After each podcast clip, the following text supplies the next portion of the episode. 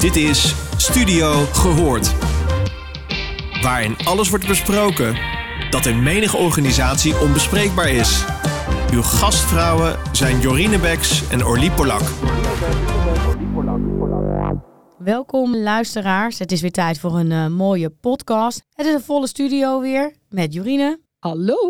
en Arthur. Goedemiddag. Arthur Kruisman is een vrije denker, eigenaar van Vrije Denkers, een veranderaar, een executive coach. Zijn missie is het gat dichten tussen denken en doen. Een reden te meer om jou, Arthur, eens uit te nodigen voor een gesprek. Ja, hier ben ik. Ja, daar ben jij dan. En het eerste wat Jorine en ik natuurlijk willen weten is... wat is nou het verschil tussen denken en doen? Ja, ik denk dat iedereen dat wel gevoelsmatig natuurlijk aanvoelt dat dat verschil is. Eh, maar voor mij is eh, denken vooral in intenties en plannenmakerij blijven hangen. En doen ook gedrag laten zien en de effecten ervan ja, genieten. Ik denk dat dat de grootste eh, verschillen zijn eigenlijk. Maar jij zit hier natuurlijk niet voor niks. Want ik denk dat jij daar wel een kleine uitdaging in ziet. Want hoe gaan we dan van dat denken naar dat doen? Nou ja, door allereerst dat maar eens bewust te maken. Hè? Dus eh, organisaties ermee te confronteren, spiegel voor te houden. Van kijk, eh, hier wordt vooral gedacht, in plannen gedacht. Lange termijn businessplannen, lange termijn leerplannen, business cases, best practices. Hè, dat zijn prima dingen. Maar dat zit vooral in het stollen van ideeën. Terwijl in een periode waar de verandering ontzettend snel gaat en ons verandervermogen daar een beetje achteraan hobbelt, moet je dingen doen. Uitproberen, experimenteren, improviseren. Veel meer vanuit het hier en nu redeneren. En dat zijn de dingen die er echt bij komen. Dat was vroeger was dat wat minder nodig. En tegenwoordig is dat echt noodzakelijk. En dan heb ik meteen een vraag. Ik heb een beetje een voorliefde voor bestuurskunde. En ehm, daar denken we nog steeds een beetje in hiërarchie. Hè? Er zitten de denkers zitten boven en de doeners zitten onder. Nou, zie je daar het probleem. Want dat is natuurlijk niet zo. Nee. Hoe zorg je dat, dat je dat, je dat denken bij die doeners ook krijgt? Nou ja, door het, wij zeggen altijd, er zit een enorme asymmetrie in de wereld. Dus er is veel meer macht van bovenaf dan kracht van onderuit. En dat moet dichter bij elkaar komen. hè. Dus die kracht van onderaan moet, moet worden aangewend, aangezet. Maar die macht bovenin, die moet vooral wat worden ingedampt. En minder relevant worden gemaakt. hè. Dus die, die twee moeten elkaar vinden. En dat gebeurt nu niet. Je ziet het letterlijk. Gisteren hadden we een uh, hoogheemraadschap waar we een sessie hielden. Eh, en dat is bij ministeries ook niet anders. Je hebt een strategische organisatie en je hebt een uitvoeringsorganisatie. Nou, daar gaat het al mis. En dat komt door Taylor. Ik weet niet of je die naam iets zegt. Ja, Eh, die heeft zeker. een prachtig mooi boek geschreven, The Principles of Scientific Management. En die heeft dat geïntroduceerd. Hij had een voorliefde hè, voor het efficiënter maken van bedrijven. Destijds vooral de fabrieken. En hij heeft een aantal principes in dat boek beschreven die vandaag de dag nog steeds gelden. Die vier principes, want dat zijn er maar vier, zijn best eh, verstrekkend, vinden wij zelf. Eh, namelijk één, schakel vakmanschap uit. Vrij bijzonder. Tweede is, alleen managers en ingenieurs weten wat de beste manier is om de dingen te doen. Drie, schakel het zelfstandige denken van die uitvoerende geheel uit. En plaats dan die uitvoerende onder directe leiding van die managers en ingenieurs, want die weten wat de beste manier is om de dingen te doen. Nou, dat was in 1911, had hij dat beschreven. Chaplin heeft een mooie film daarover gemaakt, eh, Modern Times. Die laat ik altijd even zien, ook als illustratie. Eh, hij probeert dat efficiency denken, probeert hij over de bühne te brengen van waarom dat zo ja, krankzinnig eh, is eigenlijk. En we zitten nu in 2022 en ik zie nog steeds diezelfde principes gehanteerd worden. En niet zo expliciet als ik net noemde, zoals eh, Taylor dat beschreef. Als jij een vakmens bent en je komt een organisatie binnen, dan is de kans bijna 100% dat je een manager boven je krijgt. En dat is niet erger als die je verder helpt en je coacht en je faciliteert. Maar als die zit te micromanagen op jouw vak, dat is afschuwelijk. Want zoals Mathieu Wegman dat mooi uitdrukt, een vakman doet liever iets goed dan iets fout. En dus er zit echt een organisatieprobleem. Ja, maar dan komt nu de vraag. Ik zie ook wel trends dat dat erger wordt. Dus als je kijkt naar Taylor, is natuurlijk ook de grondlegger van de bureaucratie. Daar is Zeker. natuurlijk een beetje ook Max Weber in eh, verweven. Ja. Maar we Ja. gaan nou naar een infocratie, waarbij we systemen laten bepalen wat je moet doen. Dus bijvoorbeeld eh, in jouw, eh, jouw publieke organisaties hebben we natuurlijk eh, de denkers bovenin. Hè? En de doeners zijn de uitvoerende instantie. En vroeger kon je nog naar je manager gaan zeggen van joh, ik moet dit nu van je doen. Maar daar is mijn burger niet bij geholpen. Die staat hier huilend aan mijn bureau. En als we deze maatregel gaan uitoefenen, dan gaat het daarvan kwaad tot erg. En dan kun je je afvragen of we nog publieke waarde hebben. Maar dan had je nog een dialoog. Nu gaat dat hele theorisme, dat neoliberalisme, dat heeft een vlucht genomen. Dat zorgt er nu voor dat we computers hebben ook. Die gaan zeggen hetzelfde als wat die manager vroeger zei. Alleen nu zegt de computer, computer says no. En hoe Ja. erg wordt dat dan in jouw Ja. vrije denken? Ik denk dat dat op een gegeven moment wel weer zal verbeteren. Hè, want we gaan leren om met die algoritmes om te gaan. Maar het is natuurlijk de kunst om de systeemwereld en de leefwereld bij elkaar te krijgen en te houden. Hè, die systeemwereld heeft heel erg de overhand gekregen, mede door dat terrorisme.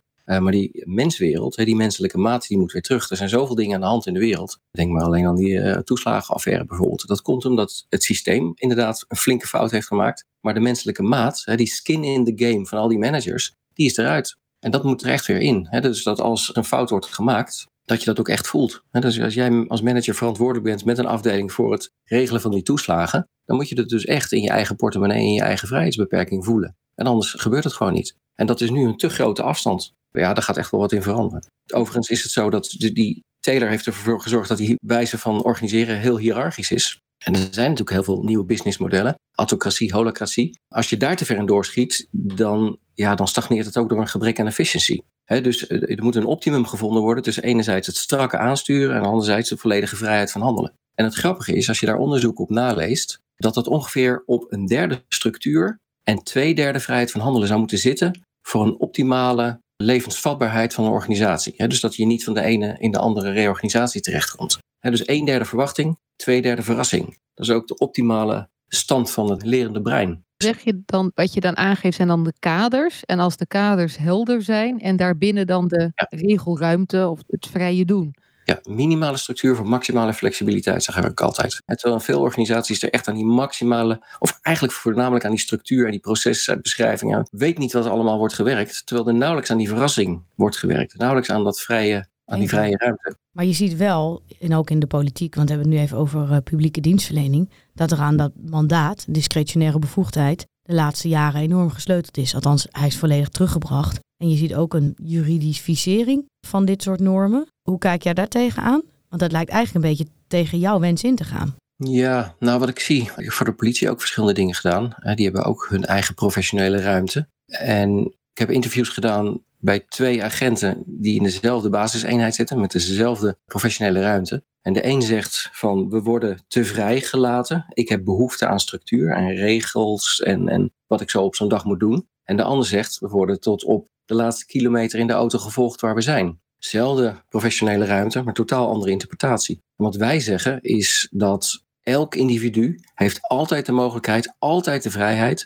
om stappen te nemen in de richting van de bedoeling die je met elkaar wilt bereiken. En in de publieke sector heb je natuurlijk inderdaad met wet en regelgeving te maken, is het iets lastiger. Maar ook daar is heel veel meer te bereiken dan mensen denken. In onderwijs idem, hè, dan wordt ons vrij snel naar de arbeidsinspectie verwezen. Ja, de arbeidsinspectie zegt dit kan niet of dat mag niet. Is helemaal niet waar. Is helemaal niet waar. Dus je kunt best met die instanties overleggen om te kijken of dat anders kan. En het kan vaak ook best wel anders. Wat je aangeeft daarin is ook dat ieder mens, hè, die heeft dan de kans om te gaan kijken, oké, wat kan ik anders daarin doen? Hè? Wat is wel mijn regelruimte? Maar ieder mens is natuurlijk ook anders. En in dat filmpje van jullie, hoe, oud is dat filmpje inmiddels? Is acht jaar, bijna negen. Ja. Oh, oh jee, ja, ik heb me echt heel vaak laten zien. Om mensen zeg maar uit te nodigen tot anders denken. En daarin is ook een hele mooie zin. Mhm. En die is, die ken jij natuurlijk, maar voor de luisteraars, hè? als ik meer fouten maak dan jij, dan win ik. En dat klinkt heel mooi. En dan denk je, ja, oké. En dan dat raakt ook wel. Maar ja, dat is natuurlijk als je het aangeeft met regels en ruimte. En wat durf je? Durf je die fouten te maken? Hoe doe je dat? Nou, het is noodzakelijk. Wij zeggen fouten maken moet. En de grap die ik altijd maak is hè, dat er veel managers zijn die zeggen: ja, je mag fouten maken. Hè, dat hebben ze geleerd immers, want dat is best wel modern om dat te zeggen. Maar je ziet aan die koppen toch dat het helemaal niet de bedoeling is. Het wel zeggen, wij zeggen: als je fouten maakt, is dat een indicatie dat je dingen aan het proberen bent. Want dat hoort bij experimenteren, dat hoort bij improviseren. Want dan doe je namelijk dingen waarvan je niet precies weet waar dat op uit gaat komen. Dus dat betekent dat je wel eens een zijpaadje inwandelt. Wij zijn ook niet zo van het woord fouten. Wij zeggen na stap 1 komt stap 1. Een hele andere benadering. Het is veel incrementeler. Dus je neemt de stap vanuit je vakmanschap, vanuit de kennis om je heen. Dus je moet goed om je heen blijven kijken. Dan kijk je wat het effect is van die stap. En dan bepaal je opnieuw een stap 1. En dat is niet een stap 2 zoals je ooit in een plan vooraf had bedacht, maar gewoon een nieuwe stap 1. Dus na stap 1 komt stap 1. In het nu blijven, is dat wat je zegt? Ja, absoluut. Ja, we noemen het ook een emergente practice. Dus wat ontvouwt zich er in het hier en het nu? En welke stap kun je nemen in de richting van de bedoeling met je eigen mogelijkheden en middelen? dus niet van, oh, nou, ik wil deze stap gaan nemen, daar heb ik de ICT-afdeling voor nodig. Of daar heb ik dat en dat budget voor nodig. Of die en die toestemming. Niet, dan is je stap veel te groot. Maak hem tien keer kleiner. Maar ga, zet die stap. Maar dat is best wel een lastige situatie. Je beschrijft aan de ene kant willen we meer bedoeling creëren. De mogelijkheid om meer te werken in de bedoeling. En aan de andere kant willen we ook lef om dingen te gaan proberen. Zeker. En stel nou, ik ben een publieke dienstverlener. Je hebt uh, volgens mij deze week hele mooie klanten bediend. Ja. Hoe moet ik ermee aan de slag? Want ik heb een systeem Ik heb het volledig in de New Public Management ingericht. Met strakke KPI's, tijdigheid, rechtmatigheid. Helaas geen menselijke maat KPI, maar dat wil ik wel, maar dat heb ik niet. Wat ga ik doen? Nou ja, ook die hele KPI-zering, die herken ik ook wel. Daar hebben we ook al een onderdeeltje van in onze workshops. er wordt gezegd meten is weten, gis is uh, missen, uh, gokken is dokken. Maar wij schrijven het altijd op, meten is gelijk aan weten. Uh, als dat waar is, dan is het omgekeerde ook waar. Dus weten is gelijk aan meten. En dus als je vanuit vakmanschap kijkt wat er nodig is in het moment, en het buikgevoel en de intuïtie en in het hier en nu, kun je ook vaststellen van wat er gedaan moet worden. We doen net alsof die systemen ons gids zijn om de dingen te doen. Maar je moet gewoon soms doen wat nodig is. En dat is niet altijd wat het systeem voorschrijft. En dan gaat het erom, kun je die professionele ruimte aanwenden? Durf je die stap te nemen? Durf je ook de verantwoordelijkheid te nemen? Wat me ook wel intrigeert, we hadden in het begin over denkers en doeners. Mhm. En nu hadden we het over het eigenlijk het meten is weten. Uh, is het nou, ben ik wel nieuwsgierig naar hoe jij daarnaar kijkt. Is het voor een doener lastiger om te gaan denken? Of is het voor een denker lastiger om te gaan doen? Ja, die vraag die heb ik al eens eerder eh, gehad. Daar heb ik ook wel een idee uh, over. dus na stap 1 komt stap 1. Dat is een belangrijke. Kleine stapjes moet je ook voor jezelf maken, maar ook eventueel aanbieden. Het is voor een academicus over het algemeen makkelijker om zeg maar, de stapjes te definiëren dan voor een doener om te begrijpen waar die academicus mee bezig is. Omdat dat toch een hoofdkwestie is. Dan moet je toch wat abstracter kunnen denken. Dat is iets wat ik wel uh, zie. Tegelijkertijd is het zo dat je uh, moet proberen om dat denken doen voldoende af te wisselen. We hebben mooie oefeningen voor uh, die, die we vaak geven. want het is beide nodig. De kunst is namelijk om dat denken en dat doen weer wat dichter op elkaar te krijgen.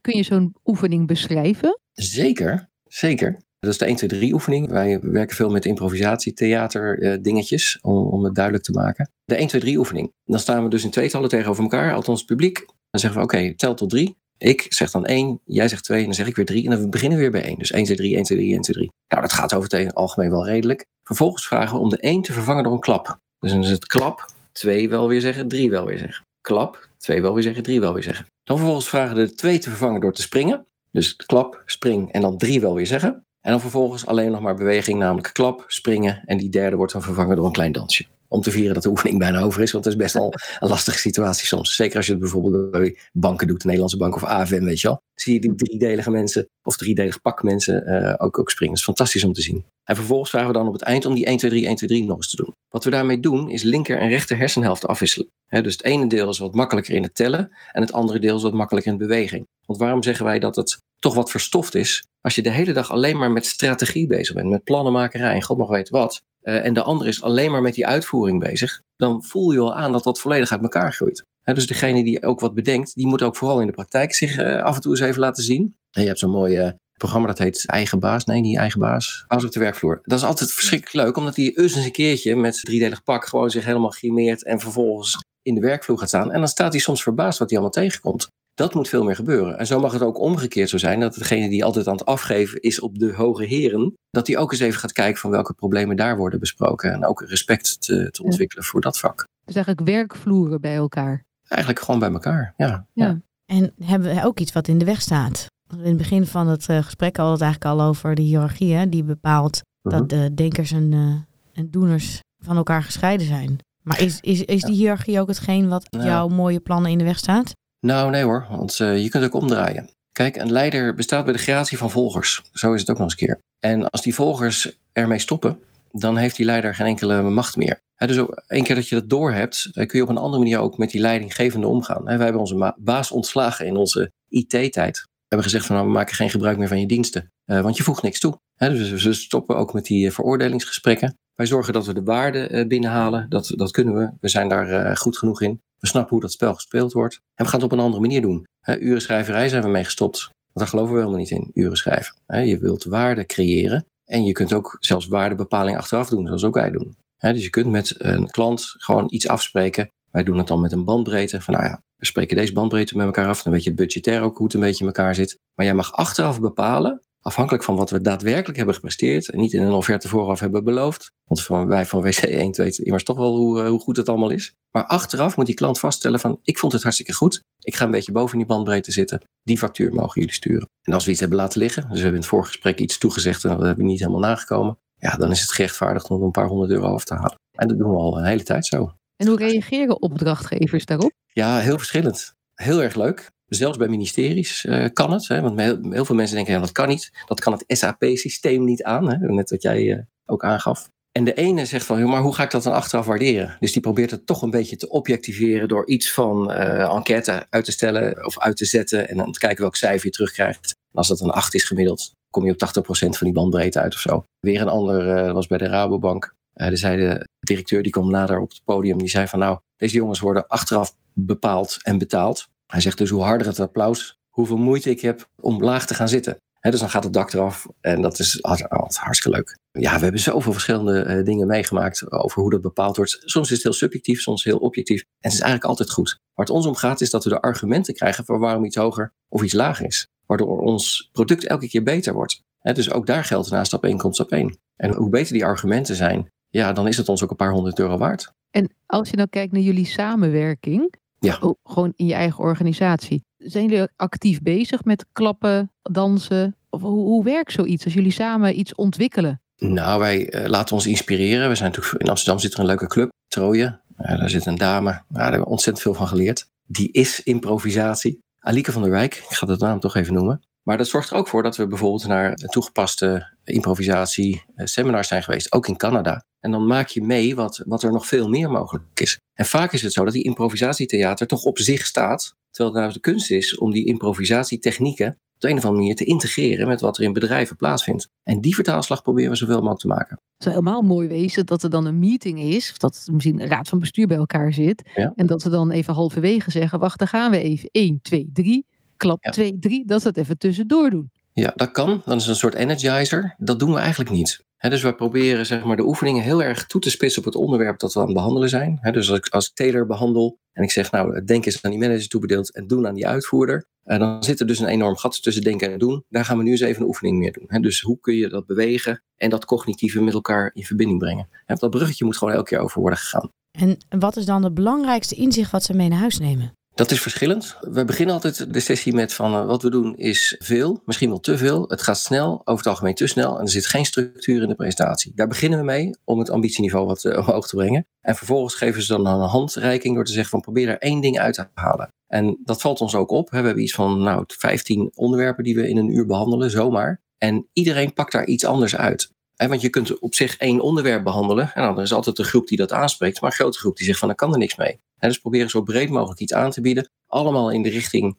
van het verkleinen van het gat tussen denken en doen. En als er maar één ding wordt uitgepakt, vinden wij het prima. En dat vragen we ook achteraf wel eens. Hè. Wat is nou dat ene ding dat je eruit hebt gehaald? De een zegt inderdaad, ja, dat fouten maken, dat is waar ik wat mee kan. Of na stap 1 komt stap 1. Uh, daar kan ik wat mee. Hè. Of uh, creativiteit, daar hebben we het ook over. Terminale serieusheid. Dat is echt onderzoek trouwens, wat er in dat filmpje wordt benoemd. Dat is echt, echt verschrikkelijk leuk. Dat is overigens iets opgeschoven. In het filmpje noemen we 44 als staat van terminale serieusheid. Overigens is dat opgebouwd uit het aantal vragen dat je stelt op een dag, maal het aantal keren dat je hebt gelachen op een dag. Kun je even toelichten wat je met die term bedoelt? Ja, zeker, dat kan ik. dus de creativiteit is op zijn hoogst als je vijf jaar bent. Dat is de standaard. Want je lacht heel erg veel en je stelt de hele dag vragen. dat wordt in het filmpje ook gezegd. Dat halveert als je acht bent. Dus dat heeft te maken met het feit dus dat je op school zit. En eigenlijk in groep 3, 4, 5 gaat het mis. want dan moet je het systeem in, precies wat Orly aangeeft. Nou, we zien dat dat niet werkt dus het aantal vragen neemt af, want je durft het eigenlijk niet meer. Je denkt dat je het fout doet. En het aantal keren dat je lacht neemt ook al af. En dat is op zijn diepste punt, 15 namelijk, eh, volgens het onderzoek van de NASA trouwens, uh, op je 44ste. Het is wel iets opgeschoven, het is richting 50 uh, eh, nu aan het gaan. Maar dan heb je een score van 15. Dat betekent dat je drie vragen gesteld hebt en vijf keer gelachen of omgekeerd. Wij noemen dat de staat van terminale serieusheid. En dat gaat overigens na het pensioen wel weer omhoog. Op een dag bedoel je? Dus je gaat naar je werk. Dus dat is eigenlijk wat je zegt, wat kunnen we nou concreet hier nou uh, mee doen als luisteraar, is dat misschien wel gewoon heel erg confronterend, maar ook alweer grappig om eens te gaan turven. Hoeveel vragen hebben we nou eigenlijk gesteld? Klopt. En waarom is dat nou zo belangrijk voor die creativiteit? humor, lachen, zorgt ervoor dat je op net even een ander spoortje in je hoofd komt. Dus die plasticiteit in die kop, die neemt wat toe. Uh, en vraag stellen is dat idem. Hè? Dus als jij een vraag hebt, een oprechte vraag, omdat je iets niet weet, en je krijgt een antwoord wat je nog niet wist, dan ontstaat er ook weer een nieuw spoortje in je hoofd. En die nieuwe spoortjes in je hoofd zorgen ervoor dus dat je overal creativiteit enorm toeneemt. Ja, dat is natuurlijk verschrikkelijk leuk. Ontzettend leuk. Dus al die mensen die zeggen ik weet het al, of al zeg maar als je gaat kijken, even het bruggetje naar uh, zeg maar, psychologische veiligheid en zegt het is heel erg van belang dat alle meningen op tafel komen. En dat begint ermee dat mijn mening, of eigenlijk jouw mening, net zo waar is voor jou als mijn mening is voor mij. En dat alleen al ervaar ik bij menig een als een enorme stap om dat te accepteren. Maar wat jij zegt, je, je moet het gewoon doen, want het is leuk, leerzaam. En dan komen we toch tenminste tot anders doen. Zo is het. Mooi. Dankjewel voor deze waardevolle podcast. Ja, ontzettend leuk. En ik zat aan te denken, Orly, als wij eens gaan turven hoe vaak wij vragen stellen en hoe vaak we lachen. Zullen we daarmee het gemiddelde wat omhoog kunnen krijgen? Ik denk het wel. Heel veel luisteraars vaak moeten lachen om onze terugblik. hey Arthur, dankjewel. Ontzettend leuk. En heel veel plezier met al die fouten maken. En ik hoop dat ik er meer maak. Ja, want dan win ik. Zo is het. Ja, jullie ook dankjewel voor, uh, voor het interview.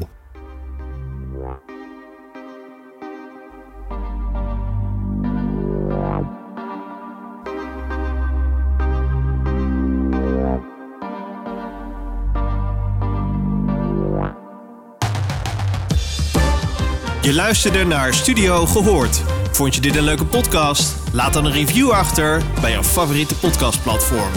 Tot de volgende!